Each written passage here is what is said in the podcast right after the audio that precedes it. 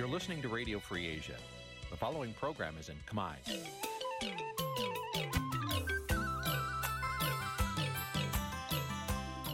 នេះជាកម្មវិធីផ្សាយ Vuthu Azizi Serai នេះជាកម្មវិធីផ្សាយរបស់ Vuthu Azizi Serai ជាភាសាខ្មែរ Vuthu Azizi Serai សូមស្វាគមន៍លោកអ្នកនាងទាំងអស់ពីរដ្ឋធានី Washington នៃសហរដ្ឋអាមេរិក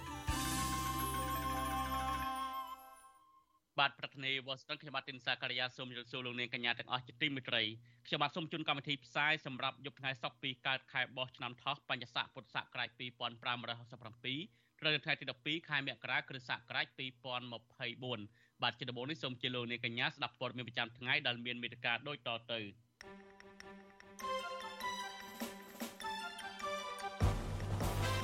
លោកសំរងស៊ីអំពាវនាវឲ្យតំណាងកម្លាំងប្រជាធិបតេយ្យរួបរวมគ្នាលើកកម្ពស់លទ្ធិប្រជាធិបតេយ្យបាទមន្ត្រីសិទ្ធិមនុស្សថារដ្ឋាភិបាលលោកហ៊ុនម៉ាណែតលំមដល់ពេលបង្ហាញឆន្ទៈពិតប្រាកដក្នុងការស្ដារប្រជាធិបតេយ្យយុវជនរិះគន់រដ្ឋាភិបាលដែលបណ្ដេញសកម្មជនបរិស្ថានអាល្លឺម៉ង់ម្នាក់ចេញពីកម្ពុជាថាជាការរើសអើង បាននីតិវិទ្យានៃស្ដាប់វិទ្យុអសិរ័យនៅយុគនេះនឹងជជែកថាតើអនាគតប្រជាធិបតេយ្យនៅកម្ពុជានឹងទៅថានឹងទៅជាយ៉ាងណាហើយថាតើប្រជាប្រដ្ឋនិងអ្នកនយោបាយប្រឆាំងត្រូវធ្វើបែបណាដើម្បីស្ដារប្រជាធិបតេយ្យឡើងវិញបានរួមនឹងព័ត៌មានសំខាន់សំខាន់មួយចំនួនទៀតបានលោកនាងទីមិត្តរីជាបន្តទៅនេះខ្ញុំបាទសូមជូនព័ត៌មានពិស្ដាលោកសំរងស៊ីអំពីនីវដល់តំណាងដល់តំណាងកម្លាំងប្រជាធិបតេយ្យទាំងអស់នៅប្រទេសកម្ពុជា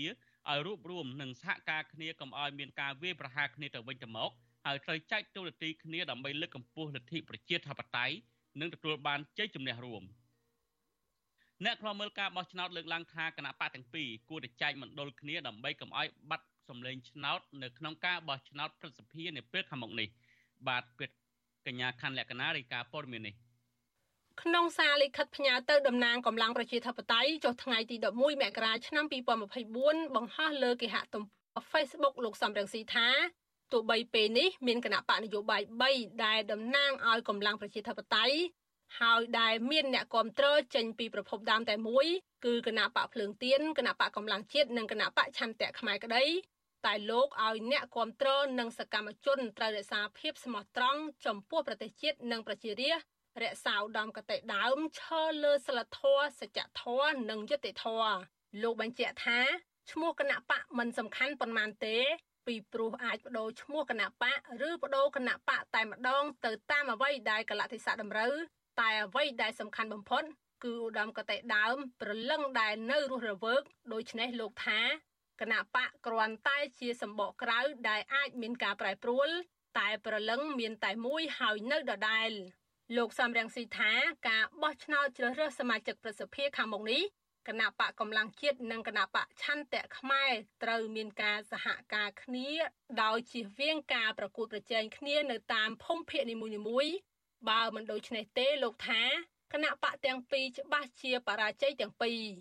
ចំពោះអង្គបោះឆ្នោតវិញ លោកឲ្យសមាជិកគណៈបកភ្លើងទៀនត្រូវប្រកាន់វិន័យបោះឆ្នោតដោយសម្ងាត់ ឲ្យគណៈបកប្រជាធិបតេយ្យតែមួយនៅក្នុងភូមិភាគនីមួយៗដើម្បីធានាជោគជ័យរួមនៃកម្លាំងប្រជាធិបតេយ្យហើយការជ្រើសរើសគណៈបកណាមួយរវាងគណៈបកកម្លាំងជាតិនិងគណៈបកឆន្ទៈខ្មែរនៅក្នុងភូមិភាគនីមួយៗនឹងត្រូវសម្រេចក្នុងពេលឆាប់ឆាប់ខាងមុខនេះតាមការចាំបាច់លើសពីនេះលោកថាអង្គបោះឆ្នោតមិនចាំបាច់បង្ហាញជំហររបស់ខ្លួនជាសាធារណៈក៏បានដែរដោយមិនចាំបាច់ឲ្យអ្នកក្រៅដឹងជំហររបស់ខ្លួន ដើម្បីធានាសន្តិសុខនិងលំនឹងនៃការងារទៅថ្ងៃខាងមុខសម្រាប់អង្គបោះឆ្នោតម្នាក់ៗលោកសំរងស៊ីទទូចឲ្យអង្គបោះឆ្នោតត្រូវបោះឆ្នោតដោយសម្ងាត់ហើយតាមវិន័យដោយបានរៀបរាប់ខាងលើហើយដែលនឹងត្រូវបញ្ជាក់ក្នុងពេលឆាប់ឆាប់ខាងមុខមេដឹកនាំបកប្រឆាំងដែលកំពុងនៅប្រទេសខ្លួននៅក្នុងប្រទេសបារាំងលោកសំរងស៊ីផ្ញើសារដូចនេះធ្វើឡើងស្របពេលដែលគណៈបកកម្លាំងជាតិប្រកាសស្វែងរកដំណោះស្រាយនិងផ្ដល់ជំរើសទៅគណៈបកភ្លើងទៀន គួរចែកភូមិភាគគ្នាឈរឈ្មោះសម្រាប់ការបោះឆ្នោតប្រសិទ្ធភាពក្នុងខែកុម្ភៈខាងមុខលើសពីនេះការចេញសាររបស់លោកសំរងស៊ីត្រូវបានសកម្មជននិងអ្នកគាំទ្របានចែករំលែកតៗគ្នាដោយបង្ហាញការគាំទ្រទីប្រឹក្សាគណៈបកកម្លាំងជាតិលោករងឈុនប្រាប់វិសុអាស៊ីសេរីនៅថ្ងៃទី12មករាដោយចាត់ទុកសាររបស់លោកសំរងស៊ីថាជាសារដ៏ល្អលោកបន្ថែមថា បើអ្នកប្រជាធិបតេយ្យដើរផ្លូវបែកគ្នានឹងធ្វើឲ្យបរាជ័យដូច្នេះមានតែវិធីរួបរวมនិងអង្គុយជជែកគ្នាបើទោះបីជាការបោះឆ្នោតប្រសិទ្ធភាពខាងមុខមានគណៈបក2ដែលទទួលពីគណៈបកភ្លើងទៀនតែមួយក៏ដោយយើងគិតថាមានរូបមន្តចែកភូមិភាគគ្នាទេដែលជារូបមន្តឈ្នះឈ្នះទាំងអស់គ្នាហើយគណៈបកកម្លាំងជាតិមើលឃើញច្បាស់ណាស់ថាបើយើង ប្រជែងគ្នាពេលហ្នឹងយើងនឹងចាញ់ចាញ់ទាំងអស់គ្នាហើយអ្នកដែលឈ្នះគឺ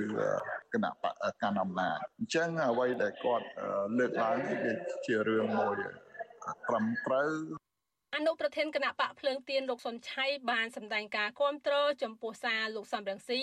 ដោយថាបើទោះបីគណៈបកទាំងនោះចេញពីប្រភពណាក៏ដោយត្រូវតែរក្សាភាពថ្លៃថ្នូរឲ្យមានសច្ចធម៌និងភាពយុត្តិធម៌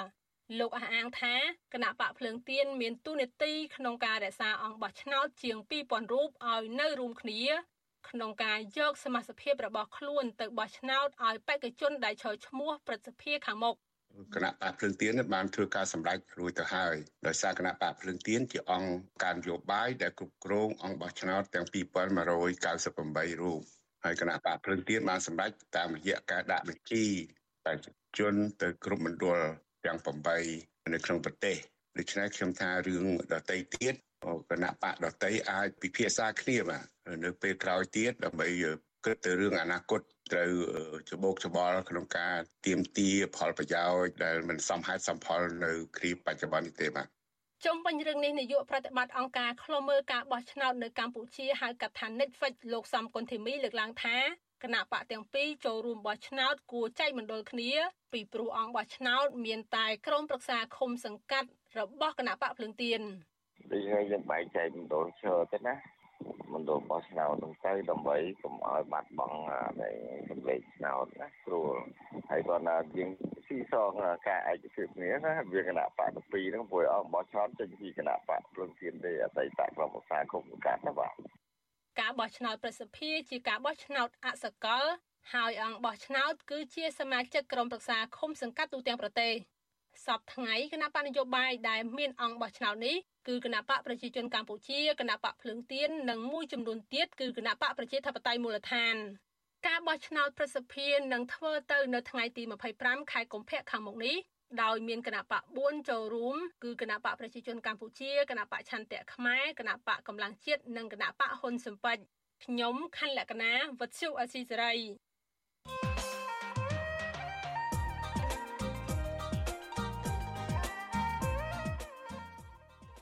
បាទលោកទីមន្ត្រីចាប់ពីឆ្នាំ1993មកកម្ពុជាបានប្រកាន់យករបបប្រជាធិបតេយ្យអាស្រ័យរដ្ឋធម្មនុញ្ញ ជាង30ឆ្នាំមកនេះប្រជាប្រដ្ឋបានស្គាល់រសជាតិប្រជាធិបតេយ្យតាមរយៈការបោះឆ្នោតជ្រើសរើសមេដឹកនាំថ្មីក៏ប៉ុន្តែចាប់ពីឆ្នាំ2017មកគណៈបកកណ្ដាលអំណាចបានរំលាយគណៈបកសង្គ្រោះជាតិនិងបំផ្លាញប្រជាធិបតេយ្យស្ទើរតែទាំងស្រុងតើអនាគតប្រជាធិបតេយ្យនៅកម្ពុជានឹងទៅជាបែបណាតើប្រជាពលរដ្ឋនិងអ្នកនយោបាយប្រឆាំងត្រូវធ្វើបែបណាដើម្បីស្ដារប្រជាធិបតេយ្យឡើងវិញបានបាទសូមលោកនេះរងចាំទស្សនានីតិវិទ្យាអ្នកស្ដាប់វិទ្យុអាស៊ីសេរីដែលនឹងជជែកអំពីបញ្ហានេះនាពេលបន្តិចទៅនេះ បាទលោកនាងក៏អាចបញ្ចេញមតិយោបល់ឬសួរសំណួរដោយដាក់លេខទូរស័ព្ទរបស់លោកនាងនៅក្នុងក្នុងប្រអប់ comment Facebook និង YouTube និង Telegram នៃការផ្សាយរបស់វិទ្យុអាស៊ីសេរីដែលកំពុងតែផ្សាយផ្ទាល់នៅពេលនេះក្រុមការងាររបស់យើងនឹងហៅទៅលោកនាងវិញបាទសូមអរគុណ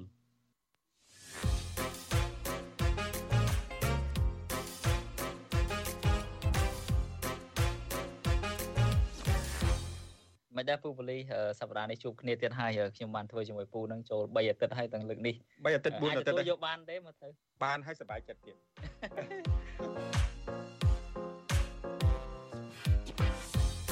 រឿងដែលកឲ្យកត់សម្គាល់ហ្នឹងមិនមែនទៅសាកថ្មជីវិតទេបាទយើងបានទាំងសាកជីវិតនិងថ្មទៀតបាទដួលផងអីផងសាកជីវិតនិងថ្មទៀតនៅស្រុកខ្មែរឥឡូវហ្នឹងយើងហាក់បីដូចជាណាបាទយើងបើកទូរទស្សន៍មើលយើងមើលតាម YouTube យើងមើលតាម Facebook អីហ្នឹង គឺគេឃើញតែគេផ្សាយគ្រឿងសង្វឹងស្រាបៀរហើយនិងទឹក energy drink បាទទឹកអីគេ energy drink គេហៅភេសជ្ជៈបើកម្លាំងភេសជ្ជៈបើកម្លាំងបាទហើយបើសិនជាយើងអ្នកឯនាយសមុទ្រនេះបើសិនជាពូបើកមើល TV YouTube Facebook ហ្នឹងថាគិតថាប្រទេសកម្ពុជាឥឡូវនេះគេលែងញ៉ាំទឹកអីហើយគេក្រៅពីបៀហើយនឹងទឹកបើកម្លាំងហ្នឹងមិនទៅហើយហេតុអីនាំគ្នាឡើងភ្នំទៅប៉ះថ្មជីវិត ជីវិតប៉ះថ្មហ្នឹងអត់យករបស់អញ្ចឹងអញ្ចឹងទៅសบายមិនកើតទេលោក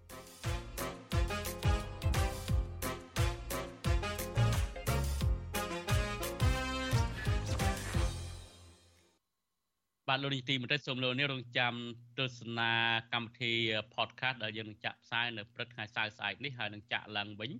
នៅយប់ថ្ងៃច័ន្ទសប្តាហ៍ក្រោយថាតើលោកសំពូលីនិងលោកយ៉ងចន្ទរានឹង ជជែកអំពីរឿងនេះពិស្ដារយ៉ាងណាខ្លះនោះកុំភ្លេចតាមដាន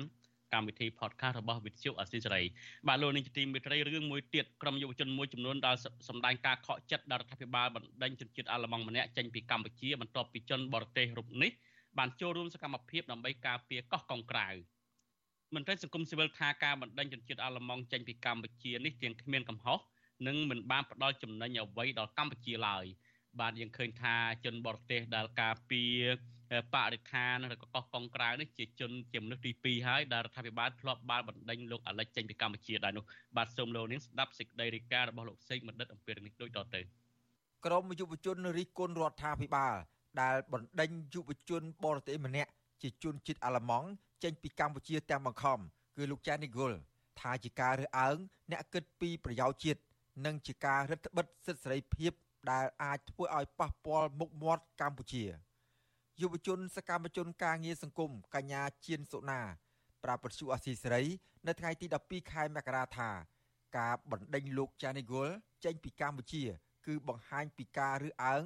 និងជាការអនុវត្តផ្ទុយពីច្បាប់រដ្ឋធម្មនុញ្ញកញ្ញាសង្កេតឃើញថាជនបរទេសដូចជាជនជាតិចិន និងវៀតណាម ដែលរំលោភសិទ្ធិមនុស្សនិងបង្កអសន្តិសុខសង្គមត្រូវបានការពារដោយរដ្ឋាភិបាលដែលផ្ទុយពីជនបរទេស ដែលស្រឡាញ់ការពារប្រយោជន៍រួមឲ្យកម្ពុជាអញ្ចឹងសួរថាតើឈ្មោះដែលយើងមានថាលទ្ធិប្រជាធិបតេយ្យសេរីពហុបកហ្នឹងថាតើវាសមស្របដែរអត់ឬមួយក៏វាដូចទៅនឹងរបបខ្មែរក្រហមដែលមានឈ្មោះត្រឹមតែកម្ពុជាប្រជាធិបតេយ្យប៉ុន្តែបែរជាមានការសម្លាប់មនុស្សមានការជិះជាស់មានការបិទសិទ្ធិសេរីភាពយើងអត់ចង់ឃើញរូបភាពបែបហ្នឹងទេហើយតាក់ទងទៅនឹងវប្បធម៌ក្តីត្រួយហ្នឹងក៏ដូចគ្នាដែរមានយុវជនមួយចំនួនបង្ហោះសារប្រងព្រឹត្តលើបណ្ដាញសង្គម Facebook បង្ហាញពីការសោកស្ដាយនិងអរគុណលោកចានីហ្គុលដែលចូលរួមការពារធនធានធម្មជាតិកម្ពុជា ដោយមិនគិតពីផលប្រយោជន៍ផ្ទាល់ខ្លួនជាដើមកាលពីថ្ងៃទី7មករាស្នងការដ្ឋាននគរបាលរាជធានីភ្នំពេញបានឃាត់ខ្លួនក្រុមយុវជនចលនាមេដាធម្មជាតិ13នាក់ទៅសាកសួរក្នុងនោះ មានលោកចានីហ្គុលម្នាក់ផងដែរការឃាត់ខ្លួននោះគឺបន្ទាប់ពីពួកគេជួបជុំគ្នានៅមាត់ទន្លេដើម្បីហាត់ប្រាណ និងជជែកពីបញ្ហាកោះកុងក្រៅហើយមន្ត្រីនគរបាលអន្តរប្រវេសន៍បានសាកសួរលោកចាន់នីហ្គលអស់ជាច្រើនម៉ោងព្រមទាំងឲ្យលោកធ្វើលិខិតទទួលស្គាល់កំហុសនិងបង្ខំឲ្យលោកចាក់ចេញពីកម្ពុជាដោយឡែកសកម្មជនចលនាមេដាធម្មជាតិកញ្ញាភុនកៅរស្មីឲ្យវិទ្យុអាស៊ីសេរីដឹងថា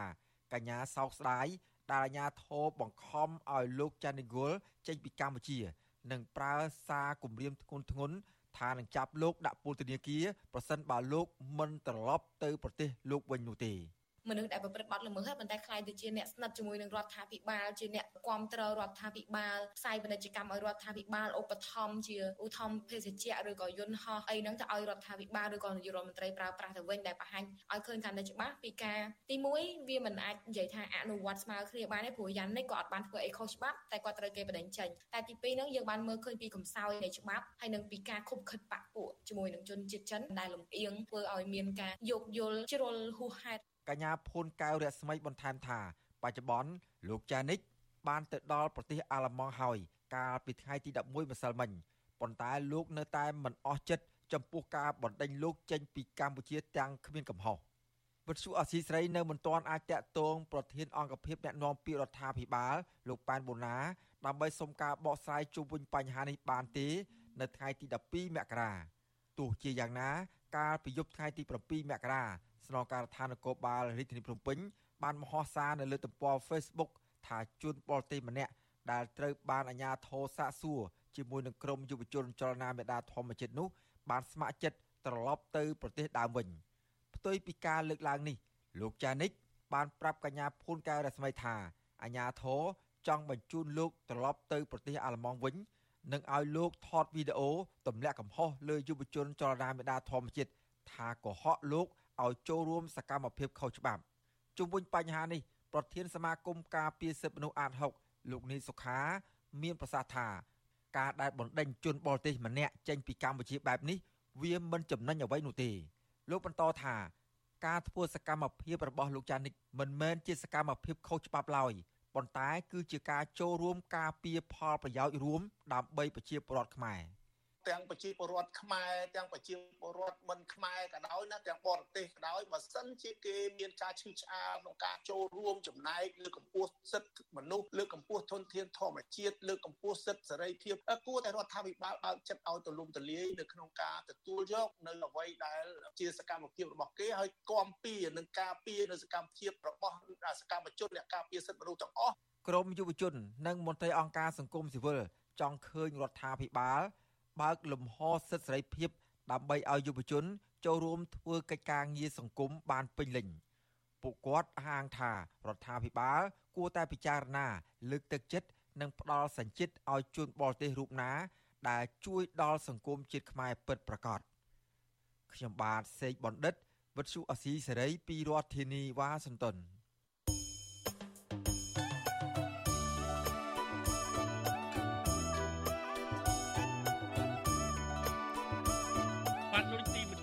គ្នានឹងការស្ដាប់ការផ្សាយវិទ្យុអសិរ័យតាមបណ្ដាញសង្គម Facebook YouTube និង Telegram លោកនាងក៏អាចស្ដាប់កម្មវិធីផ្សាយរបស់វិទ្យុអសិរ័យតាមរលកធាតុអាកាសខ្លីឬ Shortwave តាមកម្រិតនិងកម្ពស់ដូចតទៅនេះពេលព្រឹកចាប់ពីម៉ោង5កន្លះដល់ម៉ោង6កន្លះតាមរយៈប៉ុស SW 93.90 MHz ស្មើនឹងកម្ពស់ 32m និងប៉ុស SW 11.85 MHz ស្មើនឹងកម្ពស់ 25m ពេលយប់ចាប់ពីម៉ោង7កន្លះដល់ម៉ោង8កន្លះ តាមរយៈប៉ុស SW 93.30 MHz ស្មើនឹងកម្ពស់ 32m ប៉ុស SW 11.85 MHz ស្មើនឹងកម្ពស់ 25m និងប៉ុស SW 15.15 MHz ស្មើនឹងកម្ពស់ 20m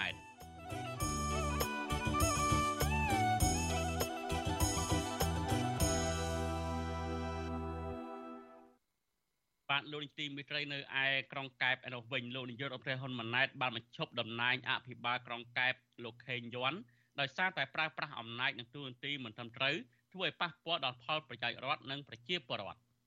អ្នកខ្លំមើលលើកឡើងថាការបញ្ឈប់តំណែងមន្ត្រីដែលប្រព្រឹត្តខុសជារឿងល្អដើម្បីផ្ដល់គំរូភាពដល់ដល់មន្ត្រីដទៃទៀតក៏ប៉ុន្តែត្រូវចូលលើគោលការណ៍យុត្តិធម៌បាទសំឡូនេះរងចាំស្ដាប់សេចក្តីរាយការណ៍នៃពឹស្ដានៅក្នុងកម្មវិធីផ្សាយរបស់យើងនៅព្រឹកស្អែកបាទលោកនេះទីមេត្រីតកតងនឹងការគោរពសិទ្ធិមនុស្សនិងលទ្ធិប្រជាធិបតេយ្យវិញ មន្ត្រីសិទ្ធិមនុស្សនិងអ្នកខ្លាំមើលពីបញ្ហាសង្គមលើកឡើងថារដ្ឋាភិបាលលោកហ៊ុនម៉ាណែតល្មមដល់ពេលបង្ហាញឆន្ទៈពិតប្រាកដក្នុងការស្ដារប្រជាធិបតេយ្យនិងការគោរពសិទ្ធិមនុស្សឲ្យប្រសើរជាងអាណត្តិដែលដឹកនាំដោយឪពុករបស់លោកដើម្បីជៀសផុតពីទណ្ឌកម្មអន្តរជាតិសំណើនេះធ្វើឡើងបន្ទាប់ពីអង្គការឃ្លាំមើលសិទ្ធិមនុស្សអន្តរជាតិ Human Rights Watch បានចេញផ្សាយរបាយការណ៍ប្រចាំឆ្នាំដែលរកឃើញថាស្ថានភាពរំលោភសិទ្ធិមនុស្សកាន់តែអាក្រក់សម្រាប់ឆ្នាំ2023 បើទោះបីជាកម្ពុជាបានផ្លាស់ប្ដូរនាយករដ្ឋមន្ត្រីថ្មីពីឪពុកគឺលោកហ៊ុនសែនទៅឲ្យកូនគឺលោកហ៊ុនម៉ាណែតក៏ដោយបាទសូមលោកនាងស្ដាប់សេចក្តីរាយការណ៍របស់លោកច័ន្ទដរោអំពីរឿងនេះដូចតទៅ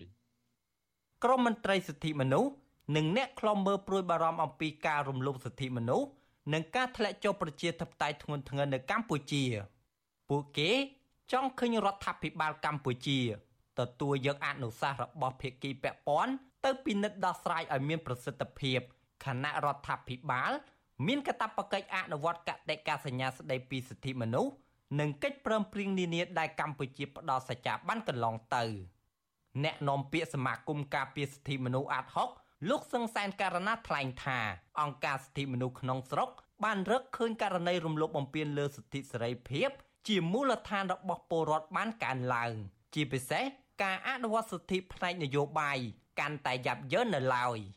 លោក ជំរុញដល់រដ្ឋាភិបាល គួររស់រាន់ចាត់វិធានការជាក់ស្ដែង ក្នុងការដោះស្រាយបញ្ហាប្រជាធិបតេយ្យការគោរពសិទ្ធិមនុស្សដោយផ្ដើមចេញពីការដោះលែងអ្នកជាប់ឃុំក្រោមហេតុផលនយោបាយវិសោធនកម្មច្បាប់ដែលរដ្ឋបិទលើសិទ្ធិសេរីភាពរបស់ពលរដ្ឋ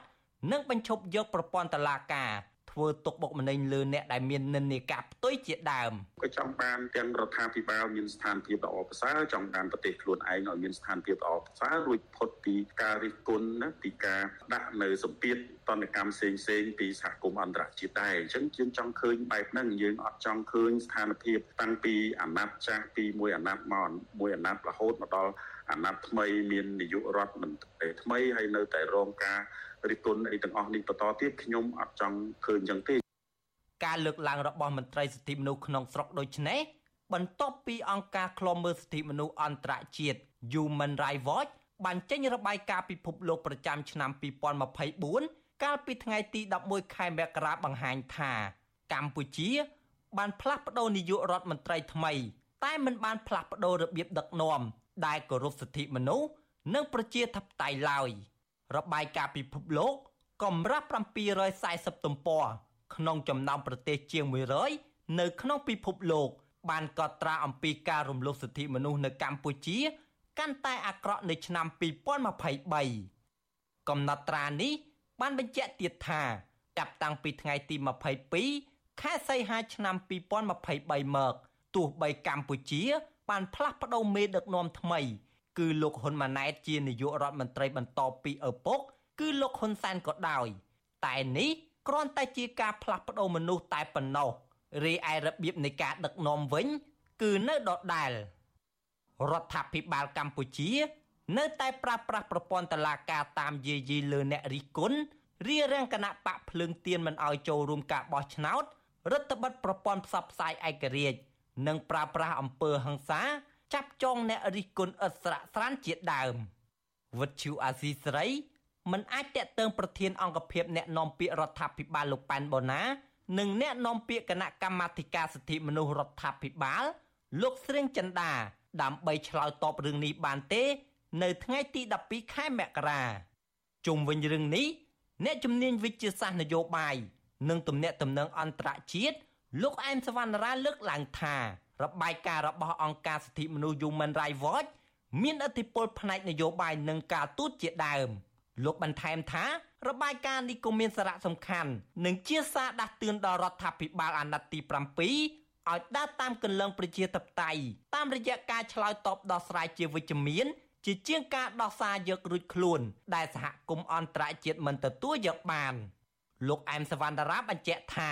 ប្រសិនបើរដ្ឋាភិបាល នៅតែគ្មានឆន្ទៈក្នុងការកែលម្អស្ថានភាពប្រជាធិបតេយ្យនិងការគោរពសិទ្ធិមនុស្សឲ្យប្រសើរឡើងវិញទេ គឺបញ្ហានេះនឹងធ្វើឲ្យកម្ពុជា បាត់បង់ឱកាសកសាងទំនាក់ទំនងល្អទាំងផ្នែកការទូតពាណិជ្ជកម្មជាមួយប្រទេសប្រជាធិបតេយ្យធំធំ ហើយធ្ងន់ធ្ងរជាងនេះកម្ពុជានឹងអាចទទួលរងទណ្ឌកម្មបន្ថែមទៀតយើងគួរតែធ្វើឲ្យបានពេញលេញយើងមិនគួរមានតែនៅក្នុងក្របខ័ណ្ឌនៃច្បាប់ទេច្បាប់ទាំងអស់នេះយើងបានមកបញ្ចូលនៅក្នុងរដ្ឋធម្មនុញ្ញភាគច្រើនហើយក៏ប៉ុន្តែខ្លឹមសារនឹងលើកអនុវត្តអត់ទាន់បានពេញលេញទេធ្វើឲ្យពលរដ្ឋកម្ពុជាអត់ទទួលបានទួលផលពេញលេញដែរអត់ទាន់បានរស់នៅក្នុងសង្គមប្រជាធិបតេយ្យពេញលេញទេបាទអញ្ចឹងគួរតែអ្នកនយោបាយដែលមានសិទ្ធិសម្រេចគួរតែពិចារណាហើយបើសិនបើមិនពិចារណាទេប្រជាពលរដ្ឋនៅថ្ងៃអនាគតគាត់ធ្វើការសម្រេចចិត្តផ្សេងហើយព្រោះអានេះគឺពាក់ព័ន្ធទៅនឹងសិទ្ធិអំណាចរបស់គាត់ដែរនៅពេលបោះឆ្នោតណានាយករងទទួលបន្ទុកតំបន់អាស៊ីលោក Phil Robertson មានប្រសាសន៍ថាការផ្លាស់ប្តូរនយោបាយនៅកម្ពុជាឲ្យលោកហ៊ុនម៉ាណែតធ្វើជានាយករដ្ឋមន្ត្រីថ្មីនេះប្រៀបដូចជាយកស្រាចាស់ដាក់ក្នុងដបថ្មីអញ្ចឹងដែរនេះបាននិយាយអំពីសិទ្ធិមនុស្សសេរីភាពនិងប្រជាធិបតេយ្យលោកបន្ថែមថាដៃគូពាណិជ្ជកម្មរបស់កម្ពុជា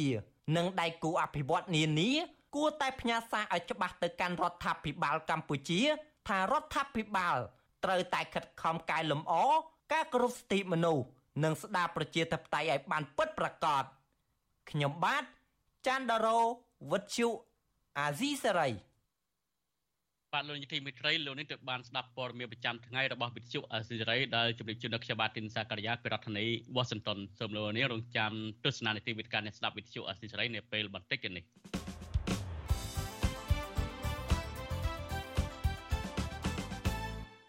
បាទលោកនាយកទីមេត្រីជាបន្តទៅនេះគឺជានីតិវិទ្យាអ្នកស្ដាប់វិទ្យុអាស៊ីសេរី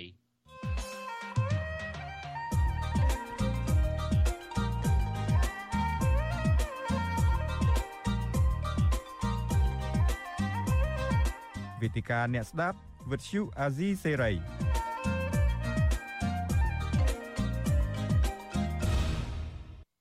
បាទខ្ញុំបាទទីនសាក្រាសូមជម្រាបសួរលោកនាងជាថ្មីម្ដងទៀតនៅទីវេទិកាអ្នកស្ដាប់វិទ្យុអាស៊ីសេរីនៅពេលនេះយើងនឹងជជែកថាតើអនាគតប្រជាធិបតេយ្យនៅកម្ពុជានឹងទៅជាយ៉ាងណាហើយយើងក៏ចង់ដឹងថាតើប្រជាប្រដ្ឋនិងអ្នកនយោបាយប្រឆាំងនឹងគួរតែធ្វើបែបណាដើម្បីស្ដារប្រជាធិបតេយ្យឡើងវិញបានបាទហើយវាគ្មិនទៅចូលរួមនៅក្នុងការពិភាក្សារបស់យើងនៅពេលនេះយើងមានអនុប្រធានគណៈបកភ្លើងទៀនគឺអាយដាមសុនឆៃហើយនឹងអ្នកវិភាគនយោបាយចាស់វសាមួយរូបទៀតគឺលោកបណ្ឌិតឡើងមង្ហៃខ្ញុំបាទសូមជម្រាបសួរ អាយដាមនិងលោកបណ្ឌិតបាទបាទជំរាបសួរបាទកាបយ៉ាងបាទជំរាបសួរលោកបណ្ឌិតបាទបងបាទគុណជំរាបសួរអាយដាមបាទបាទអរគុណច្រើនណាស់លោកបណ្ឌិតឡើងមង្ហៃបានសម្រាប់មួយរយៈធំ គឺលោកអ្នកនាងប្រិយមិត្តអ្នកស្ដាប់នោះក៏នឹកលោកបណ្ឌិតដែរដោយលោកនិតអឺ មិនមិនខកខានឬសម្រាប់រយៈមួយរយៈពេលឥឡូវនេះឥឡូវនេះខ្ញុំបាទសប្បាយចិត្តមែនតើដែលលោកនិតបានចូលរួមនៅក្នុងការពិភាក្សារបស់យើងនៅពេលនេះបាទអ្វីដែលជាការសំខាន់ដោយដែលសេចក្តីរាយការណ៍របស់លោកច័ន្ទរោអំបញ្ញមិញនេះហើយយើងមើលឃើញពីប្រជាធិបតេយ្យនៅកម្ពុជានឹងត្រូវបានគណៈបកកាន់អំណាចនឹងបំផ្លាញចោលគឺពិសេសគឺគឺចាប់តាំងពីឆ្នាំ2017មកកាលពីថ្ងៃម្សិលមិញនេះគឺអង្គការសិទ្ធិមនុស្សអន្តរជាតិ Human Rights Watch ហ្នឹង បានចេញរបាយការណ៍បានសរសេរលម្អិតអឺដែលរបាយការណ៍ប្រចាំឆ្នាំរបស់ខ្លួននឹងបានលើកឡើងថាប្រជាធិបតេយ្យនៅកម្ពុជានេះគឺកាន់តែអាក្រក់ទៅអាក្រក់ទៅគឺពិសេសនៅក្នុងឆ្នាំ2023នេះតែម្ដងរបាយការណ៍នេះបានបញ្ជាក់យ៉ាងច្បាស់ថាកម្ពុជាទោះបីជាមានការផ្លាស់ប្ដូរមេដឹកនាំថ្មីយ៉ាងណាក៏ដោយក៏ប៉ុន្តែការផ្លាស់ប្ដូរមេដឹកនាំថ្មីគឺបដូរតែមនុស្សទេក៏ប៉ុន្តែប្រព័ន្ធនៃការដឹកនាំរដ្ឋនឹងគឺនៅដដែល ហើយរបាយការណ៍នេះបានប្រៀបធៀបថាការផ្លាស់ប្ដូរមនុស្សនេះគឺប្រៀបដូចជា យកស្រាថ្មីចាក់ទៅក្នុងដបចាស់ដដែលមានន័យថាអាញាធររដ្ឋក៏រដ្ឋាភិបាលបច្ចុប្បន្នហ្នឹងដែលដឹកនាំដោយលោកហ៊ុនម៉ាណែតហ្នឹងនៅតែប្រើប្រាស់តឡាការជាប្រព័ន្ធដើម្បីបង្ក្រាបទៅលើអ្នករិះគន់សកម្មជនសង្គមអីចឹងជាដើមហើយយើងឃើញហើយកន្លងមកនេះនៅក្រោមការដឹកនាំរបស់លោកហ៊ុនម៉ាណែតនេះគឺមិនខុសពីឪពុករបស់លោកទេប្រើប្រាស់ប្រព័ន្ធតឡាការចាប់មនុស្សដាក់គុក ហើយក្រៅពីចាប់ដាក់គុកហើយគឺបង្ខំឲ្យសារភាពអីចឹងជាដើមជាធ្នូនឹងការដោះលែងបាទតើស្ថានភាពបែបនេះខ្ញុំចង់ជម្រាបសួរអាយដាមសុនឆៃមុនដែលជាអនុប្រធានគណៈបកភ្លើងទៀនដែលអាយដាមជាអ្នកធ្លាប់បានតាក់តែងច្បាប់ដែលអាយដាមធ្លាប់អង្គុយនៅក្នុងសភាច្រើនអាណត្តិជាអ្នកនយោបាយដែលចាស់ភាសាដែរនៅក្នុងសភានឹងហើយដឹងរឿងរ៉ាវច្រើនមែនទែនតើ តើនៅស្ថានភាពជាធិបតេយ្យបែបនេះហ្នឹងអនាគតជាធិបតេយ្យទៅជាបែបណាបាទទុនចេញបាទអឺសូមទូខ្ញុំទៅកាកាកាហើយសូមជម្រាបសួរហើយជម្រាបសួរបងប្អូនរួមជាតិដែលស្ដាប់វិទ្យុអេស៊ីសេរីផងបាទខ្ញុំអឺព្រមតែចង់ជម្រាបដែរថាយើងបានចាប់ផ្ដើមមួយមាត់ជាមួយគ្នាតាំងពីឆ្នាំ1991 ប្រទេសកម្ពុជាត្រូវតែអនុវត្តនៅលទ្ធិប្រជាធិបតេយ្យសេរីពហុបកហើយយើងមានច្បាប់រដ្ឋធម្មនុញ្ញដែលបានចែងបង្ហាញអំពីគោលការណ៍សំខាន់សំខាន់ដែលអ្នកដឹកនាំប្រទេសត្រូវអនុវត្តដូចជាការគោរពសិទ្ធិរបស់ពលរដ្ឋការផ្ដល់លទ្ធភាពឲ្យពលរដ្ឋមានលទ្ធភាពទទួលបាននៅព័ត៌មាន ការបញ្ចេញមតិការរៀបចំអង្គការនយោបាយ ការមានសិទ្ធិទៅបោះឆ្នោតមានសិទ្ធិចូលឈ្មោះគេបោះឆ្នោតទៅជាដើមយើងមានលក្ខណៈគ្រប់គ្រាន់ណាក្នុងរដ្ឋធម្មនុញ្ញកម្ពុជាគឺបើប្រៀបធៀបនឹងប្រទេសមួយចំនួននៅក្នុងតំបន់គឺរដ្ឋធម្មនុញ្ញយើងគឺមានលក្ខណៈប្រសើរក៏ប៉ុន្តែយើងឃើញហើយក្រោយពីការវិវត្តពីច្រើនឆ្នាំ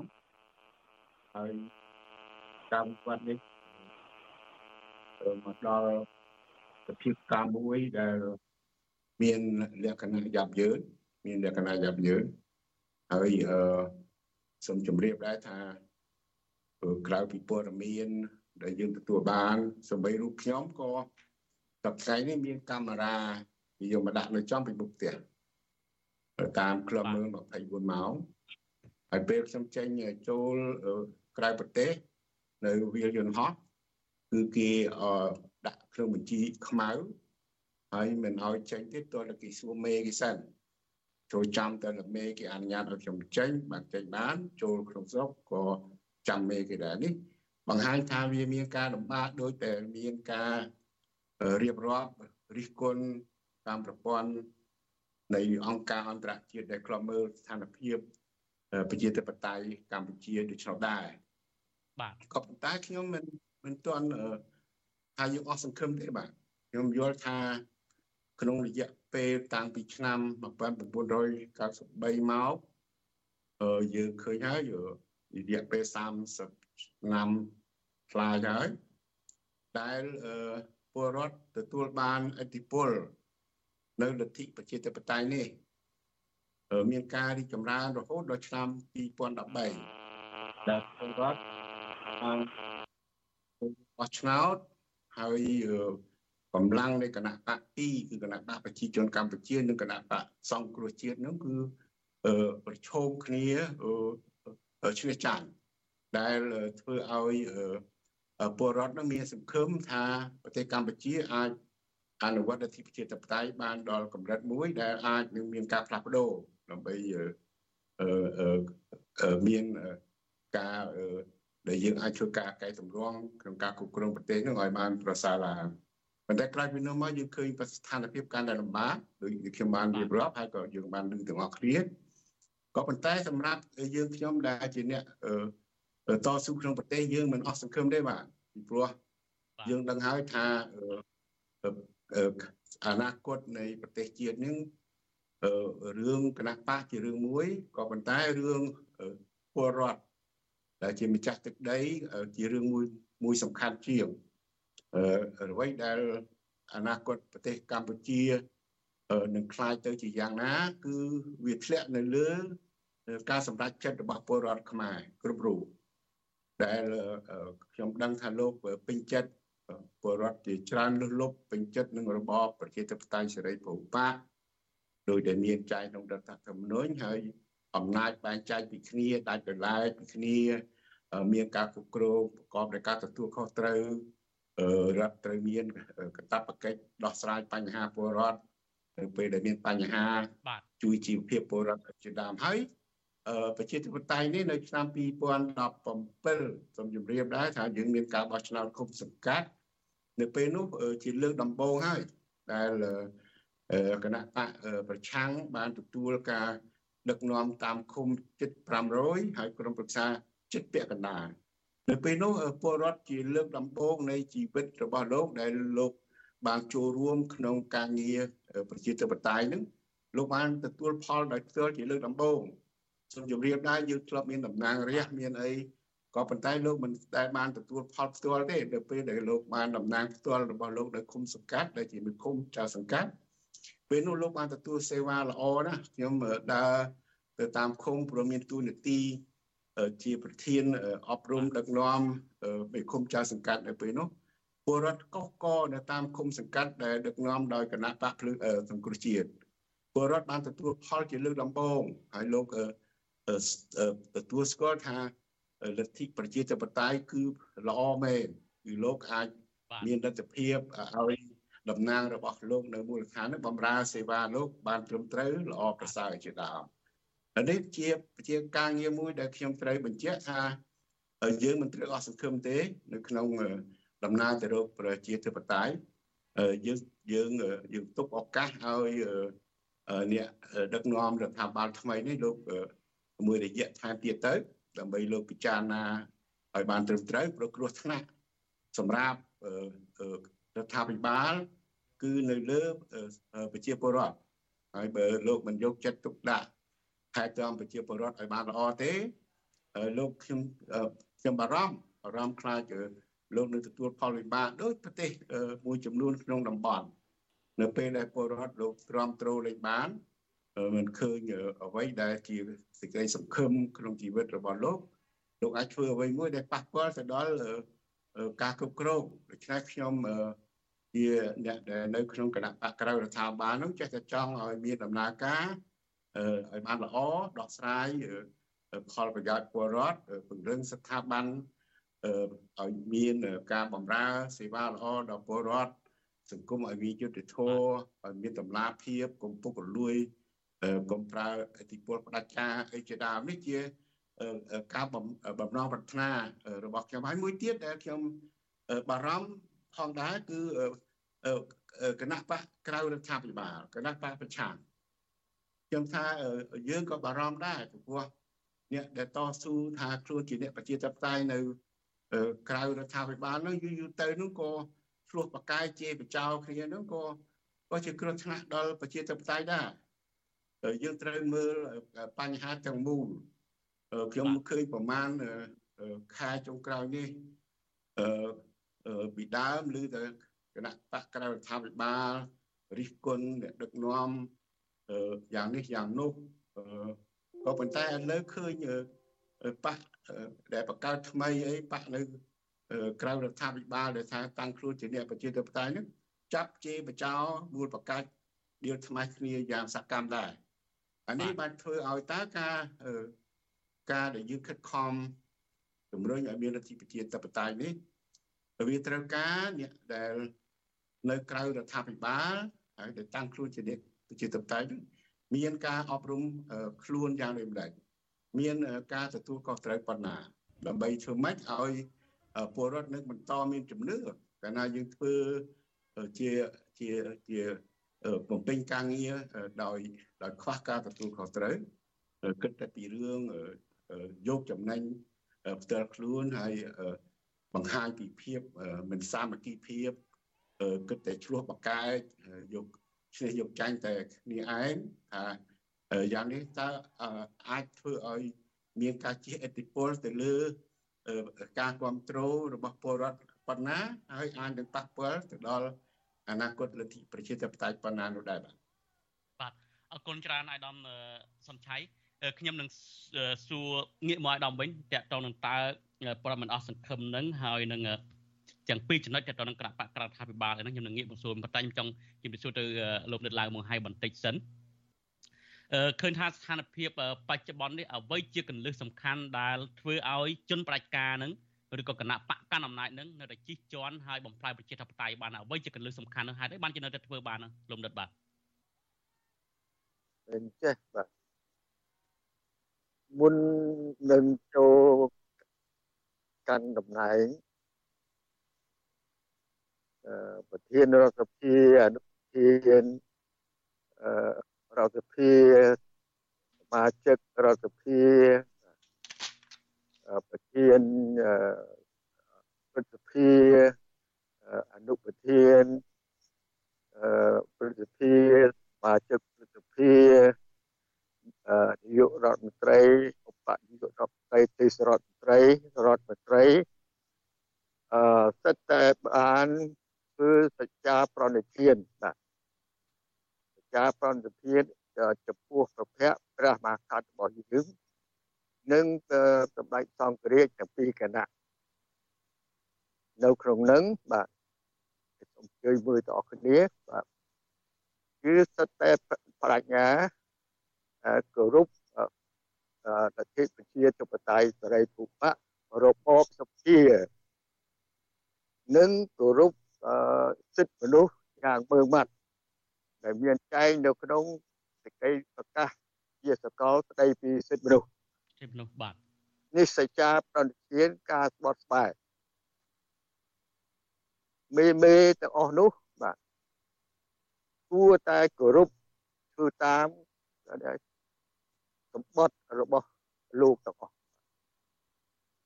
រួចបើបានទៅធ្វើប៉ុណ្ណឹងហ្នឹង គឺអាយើងនឹងនឹងមានប្រជាធិបតេយ្យហើយបាទព្រោះមានចែងក្នុងរដ្ឋធម្មនុញ្ញដែលជាឆន្ទៈរបស់ប្រជាប្រដ្ឋតាម1993ណាបាទបាទ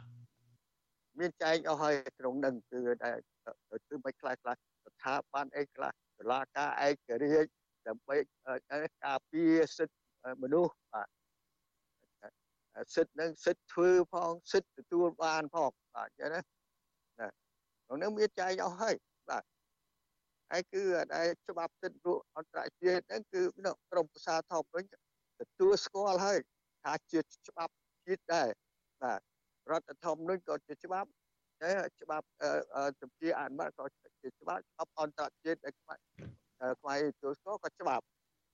ណាដូចចេះយើងមានអីមានតែគ្រប់តាមដែលអចាប្រតិធានរបស់ អឺឋានៈដឹកនាំយើងទាំងអស់ហ្នឹងទៅបាទអញ្ចឹងគឺមានតែប្រជាធិបតេយ្យសេរីពហុបករបបសភានឹងមានការគោរពសិទ្ធិមនុស្សហើយមានការអនុវត្តនៅនីតិរដ្ឋតុលាការឯករាជ្យមានចែងអស់ហើយក្នុងរដ្ឋធម្មនុញ្ញណាហើយគឺតុលាការមានភារកិច្ចមួយគឺការពារសិទ្ធិមនុស្សបាទ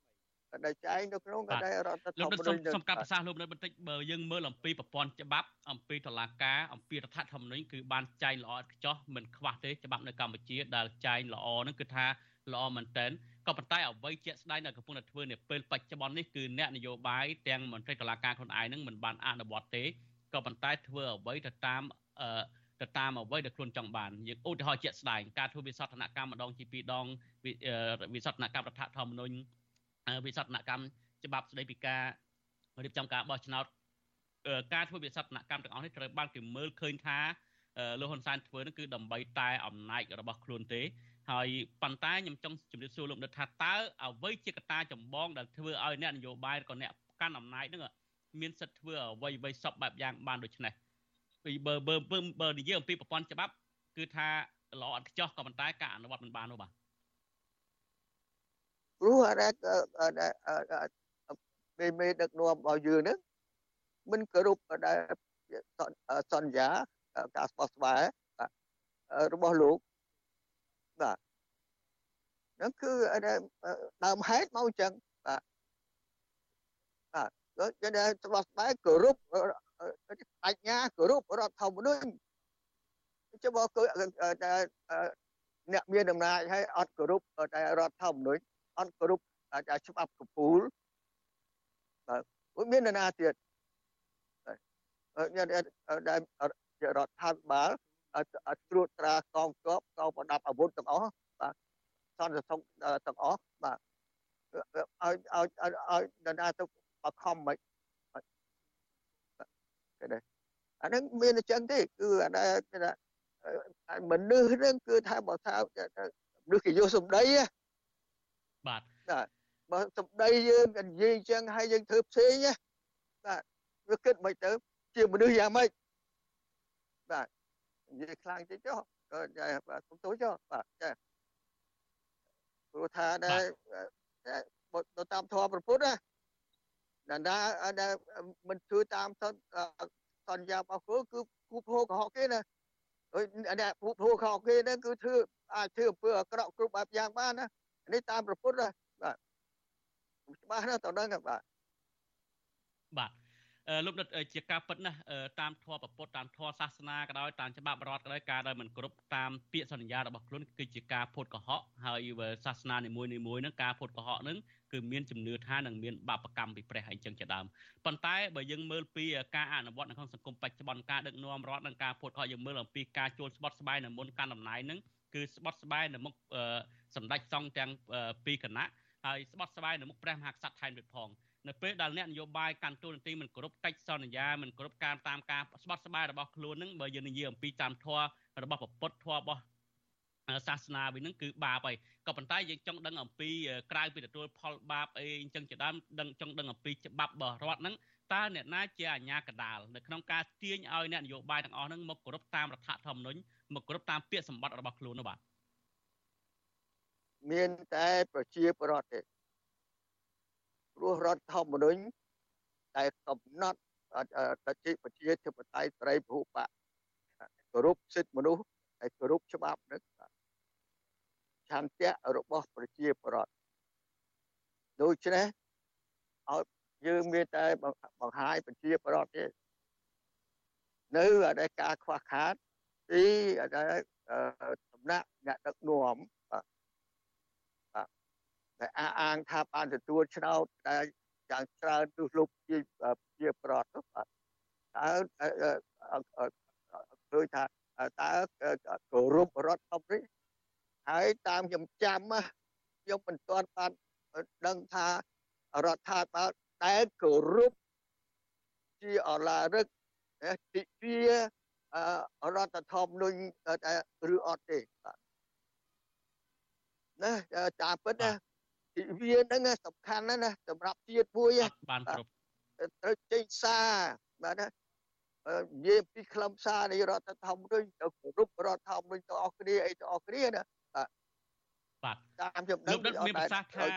ថាការដែលឲ្យអ្នកដឹកនាំនឹងមកគោរពតាមរដ្ឋធម្មនុញ្ញមកគោរពតាមពាក្យស្បត់ស្បាយរបស់ខ្លួននឹងគឺមានតែប្រជាប្រដ្ឋបើយើងមើលអំពីបច្ចុប្បន្នហ្នឹងយើងដឹងហើយលទ្ធិប្រជាធិបតេយ្យហ្នឹងគឺអំណាចនៅលើប្រជាប្រដ្ឋជាអ្នកសម្រេចតាមរយៈការបោះឆ្នោតហើយនៅពេលដែលរដ្ឋាភិបាលធ្វើខុសដឹកនាំខុសហ្នឹងបរដ្ឋមានសិទ្ធិសម្ដែងមតិ អានឹងគឺជាប្រព័ន្ធនៅក្នុងប្រជាធិបតេយ្យក៏ប៉ុន្តែប្រព័ន្ធនេះមិនមានទេនៅពេលដែលបរដ្ឋមានបញ្ហាស្អីនៅក្នុងសង្គមហ្នឹងងើបមួយវាយមួយងើបមួយចាប់មួយយើងឃើញហើយកន្លងមកនេះហើយលោកហ៊ុនសែនខ្លួនឯងក៏ធ្លាប់ប្រកាសដែរសុកចិត្តបិទទ្វារវាយឆ្កែងើបមួយវាយមួយអីចឹងជាដើមគឺសាររបស់លោកហ៊ុនសែនដែលបែកធ្លាកន្លងមកនេះលោកហ៊ុនសែនក៏ធ្លាប់និយាយចិត្តសាធារណៈថែមទៀតផងហ្នឹងយើងមានមានមានយុទ្ធការយុទ្ធការមួយបាទដែលយើងច្រើនមើលរំលង គឺយុទ្ធការបោះឆ្នោតរៀបចំការបោះឆ្នោតបាទរៀបចំត្រូវដូចជាក្រោយឆ្នាំ2013បោះឆ្នោតទៅអត់មានបញ្ហាទេក៏2017ហ្នឹងហើយគេអបអរសាទរទៅអស់គ្នាទៅនេះទៅជាប្រតិសម្ដែងមតិទៅចាចូលចិត្តឬមិនចូលចិត្តទៅបាទចា លះរៀបចំការបោះឆ្នោត2013នេះហើយជាមេរៀនដែលធ្វើឲ្យលោកហ៊ុនសែននឹងមើលឃើញថាសេចក្តី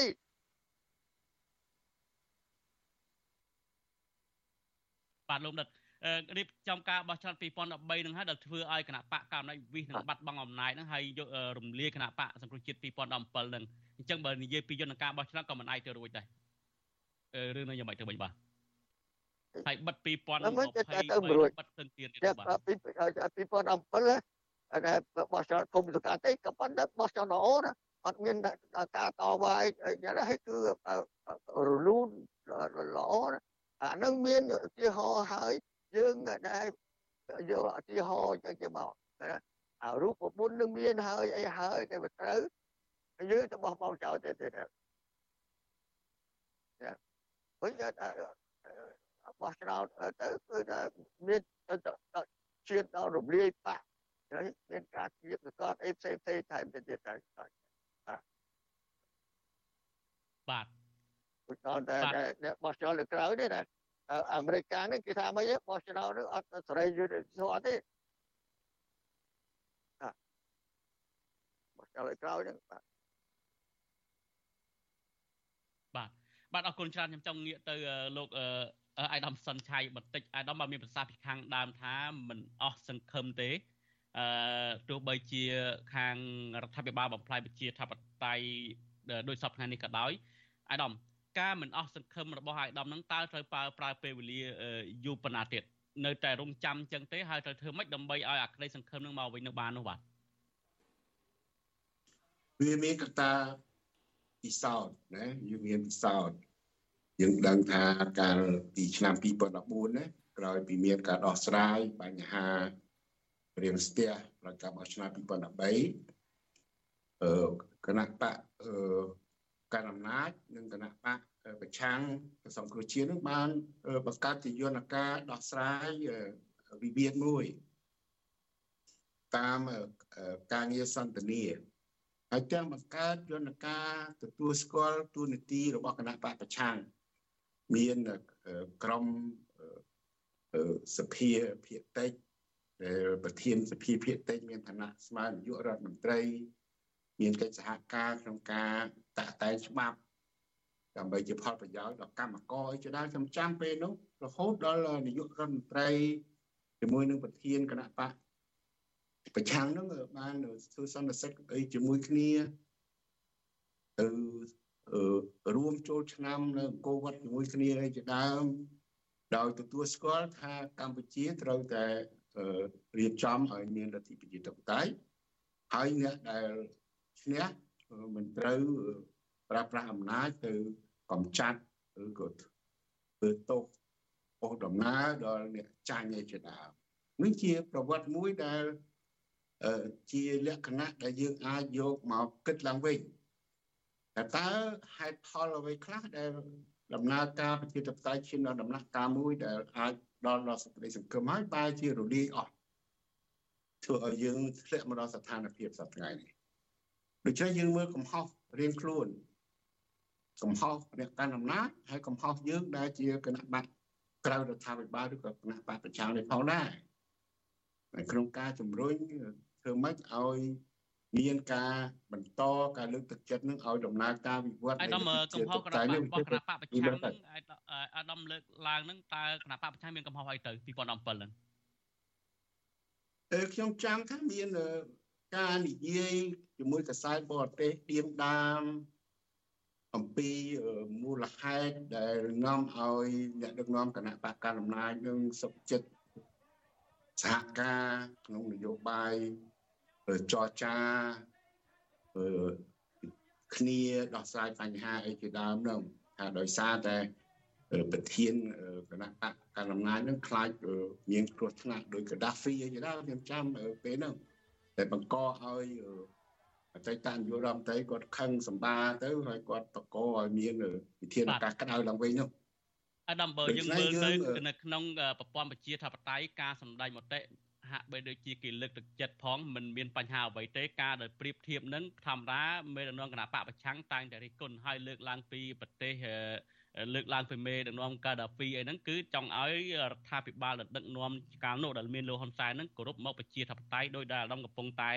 មានប្រសាសន៍នេះដែរបើសិនជាក្នុងករណីធ្វើនយោបាយស្របហើយមិនឌៀមដាមមិនរិះគន់មិនលើកពីចំណុចអវិជ្ជមានទេ អញ្ចឹងមិនទៅជា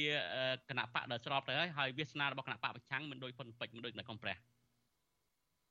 មិនមិនពេតទេបាទយើងសូមបញ្ជាក់ថាកម្ពុជាមិនទាន់មានស្ថាប័នជាតិអាចរាជដើម្បីធានាយន្តការប្រជាធិបតេយ្យនៅឡើយទេបាទអំណាចនៅក្តោបក្តាប់ដោយអ្នកមានអំណាចបាទហើយអឺហើយប្រទេសកម្ពុជាយើងមិនមិនអ្នកដឹកនាំប្រទេសមិនទាន់ ទទួលយកនៅការរិះគន់បែបប្រចាំប្រទេសទេបាទយើងឃើញប្រវត្តិសាស្ត្រយើងអឺកន្លងទៅអញ្ចឹងដោយសម័យសង្គមរាជនិយមនៅពេលដែលមានរដ្ឋបហាមានការដិតរូបសម្ដេចនរោត្តមសីហនុឌៀលថ្មី គេបញ្ចោលលោកអាយដាមថាមេរោគកម្ពុជាសំខាន់សាស្ត្រឯកឧត្តមថាមេរោគកម្ពុជាបច្ចុប្បន្នមិនទទួលយកការរិះគន់ដោយប្រទេសមកចំប្រទេសទេក៏ប៉ុន្តែបច្ចុប្បន្ននេះយើងឃើញជាក់ស្ដែងមេរណគណៈបកភ្លើងទៀនបដូរយុទ្ធសាស្ត្រនយោបាយមិនរិះគន់ទេដូចជាអាដាមបច្ចុប្បន្នហ្នឹងមិនរិះគន់មិនអីទេអាដាមលើកឡើងថាខាងអាញាធរនឹងដាក់កាមេរ៉ាជាប់ទៀតហើយមិនអាចធ្វើអីបានផងហ្នឹងអញ្ចឹងទោះបីជារិះគន់មិនរិះគន់អត់ទៅធ្វើសកម្មភាពមិនបានផងហ្នឹងបា ទសំទោយើងនិយាយអំពីអំពីការរិះគន់ការដឹកនាំណាយើងរិះគន់ការដឹកនាំមិនត្រឹមត្រូវអាហ្នឹងយើងមានកាតព្វកិច្ចយើងគ្មានកោតខ្លាចក្នុងការរោគយុទ្ធធម៌ជូនពលរដ្ឋរិះគន់ក្នុងការដឹកនាំមិនត្រឹមត្រូវទេប៉ុន្តែយើងមិនមិនមិនគួរទេយោបល់ខ្ញុំណាមិនគួរដៀលថ្មីបុគ្គលទេពួកនៅក្នុងប្រទេសជឿនលឿនក៏គេមិនដែលដៀលថ្មីបុគ្គលអី ហើយហួសហេតុដោយរបៀបដែលយើងធ្វើសប្តាហ៍ដែរទាំងប្រព័ន្ធអនឡាញហើយជាដើមហ្នឹងគឺជេរបញ្ចោដូចខ្ញុំបានជម្រាបលោកសាកាយាឥឡូវវារៀលដល់ដល់គណៈបកប្រឆាំងខ្លួនឯងហ្នឹងរៀលចោតបញ្ចោគ្នានឹងតាពីវាវាកាលហើយដូច្នេះការរិះគន់មិនមែនជាមិនមែនជាការងារមួយដែលយើងអាចនឹងកាត់បន្ថយទេគណៈយើងជាអ្នកនយោបាយ ត្រូវមានការទទួលខុសត្រូវគណៈឃើញមានការប្រៀបធៀបការប្រៀបធៀបនៅក្នុងប្រជាការនៅប្រទេសមួយចំនួនដូចជាការដល់ពីហើយនឹងលោកហ៊ុនសែននឹងជាការរិះគន់ឬក៏ជាការគាត់ជាការប្រៀបធៀបទេបាទអានេះខ្ញុំខ្ញុំទុកឲ្យលោកសាកាយាគិតទៅទៀតចាស់បាទតែយើងយើងនិយាយអំពីការគ្រប់គ្រងមិនត្រឹមត្រូវយើងនិយាយអំពីយន្តការនៃការបំរើប្រជារាស្ត្រមិនមិនមិនបានត្រឹមត្រូវយើងនិយាយអំពី អំពើពុករលួយ ការប្លន់យកដីធ្លីប្រជាពលរដ្ឋការបំផ្លាញព្រៃឈើការជីកធនធានជាតិយកទៅបំរើក្រុមបពពួកអានឹងជាកតបកិច្ចយើងជាពលរដ្ឋត្រូវតែបន្តការតវ៉ាបញ្ហាដែលមិនត្រឹមត្រូវប៉ុន្តែយើងយកបុគ្គលមកជេរបញ្ចោតាមអំពើចិត្តវាជាការយោបល់ខ្ញុំឯណាជាអសិលធម៌ទេដូចខ្ញុំដូចតែងលឺចឹងខ្លះជេរ បញ្ចោទៅដល់អ្នកកសែតឌីលតាំងប្រពន្ធគេជាស្រីសំផឹងអីសពគ្រប់អានឹងជាអំពើអសុរោះណាយើងជាមនុស្សកុំថាជាជាសះអីយើងទទួលអត់បានទេហើយយើងឃើញដូចជាលោកតាំងសាដាអញ្ចឹងមានគេដៀលគេជេរគាត់ហ្នឹងរបៀបជេរហ្នឹងគឺហួសហេតុតែយើងជាមនុស្សទទួលអត់បានដូច្នេះខ្ញុំថាសូមឲ្យលោក សាកាយាយកការបែងចែករវាងការរិះគន់ការដឹកនាំហើយនឹងនឹងការជេរបញ្ចោរឿងផ្ទាល់ខ្លួនខ្ញុំថាយើងគួរតែបញ្ចប់ទៅយើងមិនគ្រប់គ្រងនឹងការជេរបញ្ចោទេប៉ុន្តែបើយើងមើលពាក្យអសរោះនយោបាយវិញរវាងគណៈបកប្រឆាំងខ្លួនឯងដែលដល់នៅគណៈបកប្រឆាំងហើយនឹងលោកហ៊ុនសែនវិញនឹងអ្នកណាគេដែលដែលមានប្រើសម្ដីដែលអាក្រក់ជាងគេលោកហ៊ុនសែនធ្លាប់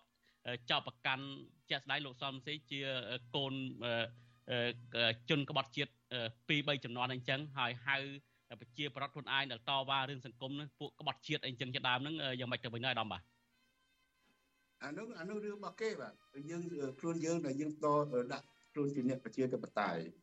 តែយើងយល់ថាយើងគេធ្វើខុសហើយយើងជាអ្នកគណៈបកដែលធ្វើត្រូវគណៈបកដែលមានសិលធម៌គណៈបកដែលគោរពគោលការណ៍មានសិលធម៌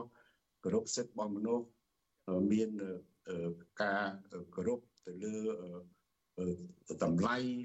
របស់សង្គមតម្លៃរបស់មនុស្សយើងយើងមិនគួរបីទៅធ្វើដូចគេទេបាទយើងត្រូវធ្វើជាគំរូគេដោយតែខ្ញុំយើងនៅក្នុងគណៈបកក្រៅរដ្ឋាភិបាលចឹងយើងតែងធ្វើជាគំរូគេទាំងការបំពេញកាតព្វកិច្ច ជាតំណាងពលរដ្ឋទោះបីក្នុងរដ្ឋសភាក្តីក្នុងមូលដ្ឋានក្តីបើគេពុកកលួយយើងមិនពុកកលួយបើគេទៅជិះជាន់ពលរដ្ឋយើងមិនជិះជាន់ហើយយើងបែកទៅការពារពលរដ្ឋអាហ្នឹងយើងយើងមិនអាចទៅធ្វើតាមគេទេអានឹងជាអានោះមានប្រសាសន៍ថាការពិតគណៈបកប្រចាំធ្វើជាគំរូគេប៉ុន្តែយើងមើលភ្លើងទៀនចុងក្រោយនេះនៅពេលដែលមានការចាប់ប្រកាន់ពីខាងភាគីមួយខាងទីពិសេសកិច្ចការដក ទួនាទីក្រុមរក្សាឃុំសង្កាត់មួយចំនួនដែលគិតថាអ្នកនឹងមិនគ្រប់គ្រងមិនបោះឆ្នោតឲ្យទេនៅពេលប្រសិទ្ធភាពដកចេញអីចឹងជាដើមតើនឹងជាគំរូដែរទេបាទអានឹងយើងធ្វើតាមយន្តការគណៈបកនឹងហើយបានតែយើងយើងចង់ជម្រាបវិសាកាយាដែរដែលជាអ្នកសារព័ត៌មានត្រូវចូលលើគោលការណ៍បាទយើងមាននីតិវិធីការងារមានលក្ខន្តិកៈគណៈបកក្នុងការអនុវត្ត នៅពេលដែលសមាជិកចាក់ចេញពីគណៈបកគណៈបកមានកាតព្វកិច្ចក្នុងការបំពេញបន្ថែមនៅការខ្វះខាតហើយអ្នកដែលត្រូវគណៈបកដកចេញហើយមិនមិនមិនយល់ថាជាការមិនប្រព្រឹត្តមិនត្រឹមត្រូវគាត់មានសិទ្ធិប្តឹងមកគណៈកម្មការវិន័យវិន័យរបស់គណៈបកដើម្បីរកយុត្តិធម៌យើងមានប្រព័ន្ធតុលាការផ្ទៃក្នុងរបស់គណៈបកក្នុងការដោះស្រាយ ដូច្នេះការថាគណៈបកភ្លើងទៀនទៅដោះទៅដូរតាមអំពើចិត្តនឹងជាការមិនពិតទេហើយក៏លោកសកាយាក៏មិនគួរគ្រប់គ្រងពួកអ្នកបាតកម្មដែលទៅបំផ្លាញចង់បំផ្លាញនឹងខ្ញុំក៏បានគ្រប់គ្រងដែរបាទខ្ញុំបានគ្រប់គ្រងដែរដូច្នេះបាទខ្ញុំបានគ្រប់គ្រងវាវាត្រូវតែវាត្រូវតែត្រូវតែពិនិត្យតើគណៈបកណាមួយដែលនៅពេលដែល សមាជិករបស់ខ្លួនចាស់ចេញទៅនៅគណៈបកផ្សេងមិនចាត់វិធានការហើយមិនត្រឹមតែប៉ុណ្្នឹងទេសមាជិកខ្លះដែលចេញទៅហើយនៅប្រើតួនាទីរបស់ខ្លួនទៅគម្រាមកំហែងសមាជិកដតីដើម្បីឲ្យធ្វើតាមខ្លួនផ្ទុយពីអ្វីដែលលោកសាកាយាដែលដាក់សំណួរមកខ្ញុំនេះជាការមិនពិតទល់តែសោះ បាទដូចជំរាបទៅយើងយន្តការទីដែលចង់ក្រោយនេះចង់និយាយដល់អាដាមបានលើកពីខាងដើមថាអ្នកនយោបាយនៅគណៈបកប្រឆាំងហ្នឹងគឺមិនត្រូវគ្នាទេហើយឥឡូវនេះម្សិលមិញនេះឃើញថាលោកសំរងស៊ីហ្នឹងបានចេញសារមួយឲ្យអ្នកប្រជាធិបតេយ្យហ្នឹងរួបរวมគ្នាតើអាដាមមើលឃើញបែបណាចំពោះបញ្ហានេះបាទអានឹងជាការព្រួយបារម្ភជាទូទៅបាទជាបរដ្ឋខ្មែរជាទូទៅលោកព្រួយបារម្ភ ដែលដែលឃើញគណៈបកប្រឆាំងបែរជានាំមកបកកចំនួនតែគ្នាឯងមួលបង្កើតជាបញ្ចោតែគ្នាឯងអានឹងពលរដ្ឋព្រួយបារម្ភទាំងអស់តែគ្នាទេមិនមែនថាអ្នកណាមួយឃើញបញ្ហានោះតែម្នាក់ឯងគឺជាបញ្ហាទូទៅដែលគ្រូខ្ញុំក៏ព្រួយបារម្ភដែរហើយបើយើងបាត់បង់ទិសដៅរបស់យើងណាយើងនាំគ្នា គិតតែពីរឿងជេរបញ្ចោមួយបង្កាច់ដើម្បីបានលៀបសក្ការៈឬក៏បានគេទទួលស្គាល់ថាខ្លួនពូកែ